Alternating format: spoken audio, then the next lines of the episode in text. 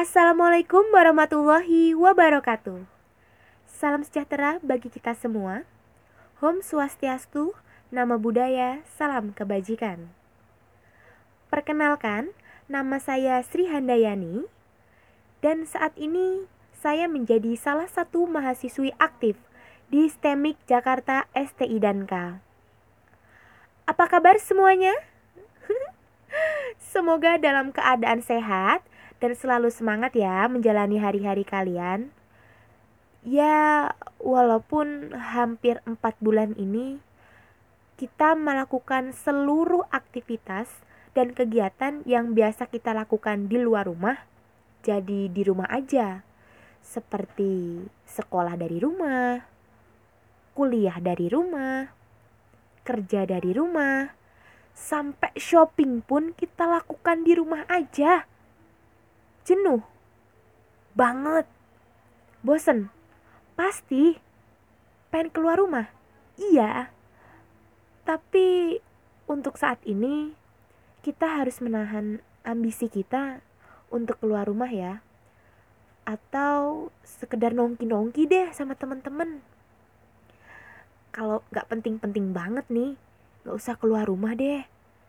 Toh untuk kebaikan kita semua kan dan menjadi salah satu usaha kita juga untuk memutus mata rantai penyebaran COVID-19. Memang, pandemi COVID-19 ini membawa dampak yang sangat besar bagi Indonesia.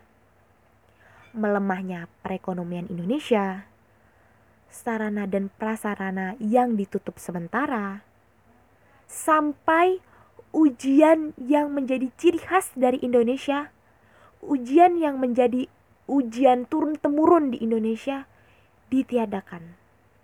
Iya, ujian nasional di Indonesia tahun 2020 resmi ditiadakan akibat pandemi COVID-19.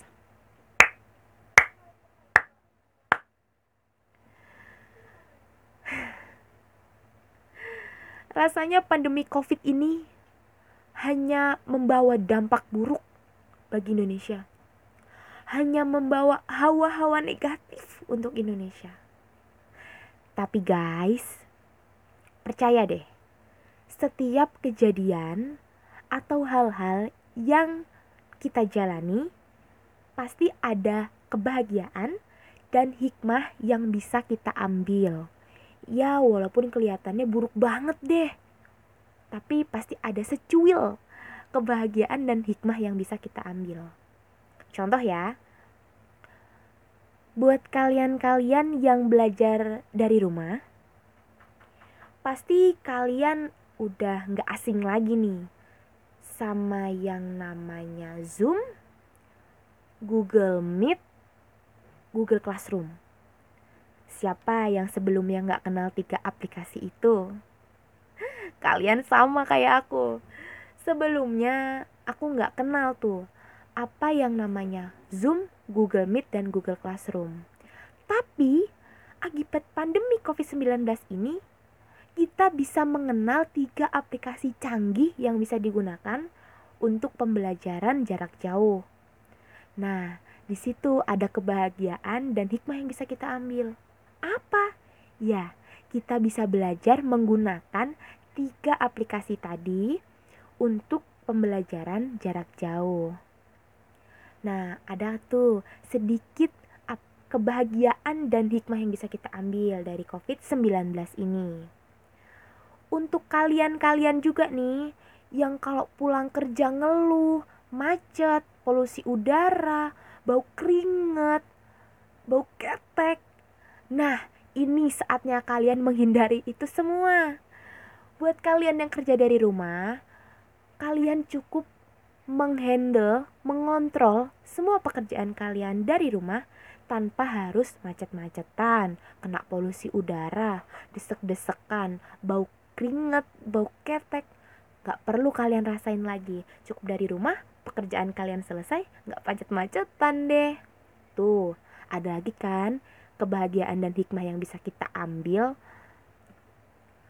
Terus, terus, terus, buat kalian yang tadinya nggak bisa belanja menggunakan platform online, ini saatnya kalian belajar menggunakan platform-platform pembelanjaan online seperti Shopee, Tokopedia, dan Lazada.